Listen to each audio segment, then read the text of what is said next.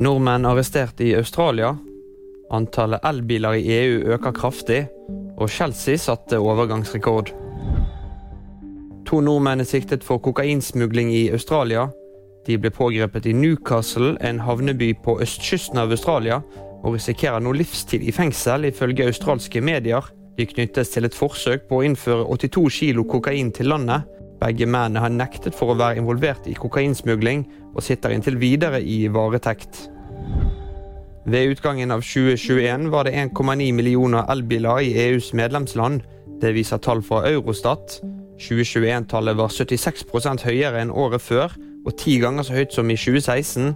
Innen 2035 skal alle nye biler som selges i EU, være utslippsfrie, ifølge avtalen som ble inngått mellom EUs medlemsland og EU-parlamentet i fjor høst. Chelsea satte overgangsrekord i Premier League. Det skjer etter at London-klubben på overtid av overgangsvinduet sikret seg Enzo Fernandes fra Benfica.